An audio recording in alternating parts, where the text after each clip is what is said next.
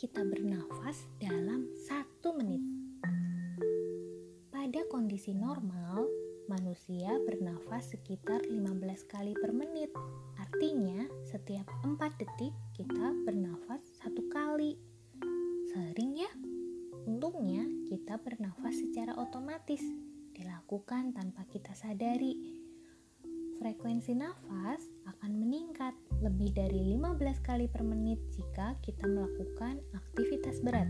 Misalnya, kalau kita berolahraga, lari-lari, lompat-lompat, angkat-angkat, dan sebagainya. Frekuensi nafas berkurang jika kita tidur atau beristirahat. Tubuh dalam keadaan rileks saat kita segala aktivitas. Coba yuk tarik nafas, tahan, dan hembuskan. Tarik nafas lagi, tahan, dan hembuskan.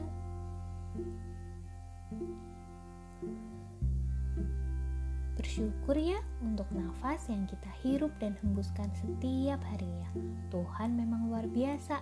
Tuhan menciptakan kita dan memberikan nafas kehidupan. Jangan lupa untuk rehat juga ya.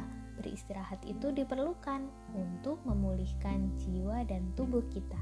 Sampai jumpa. thank you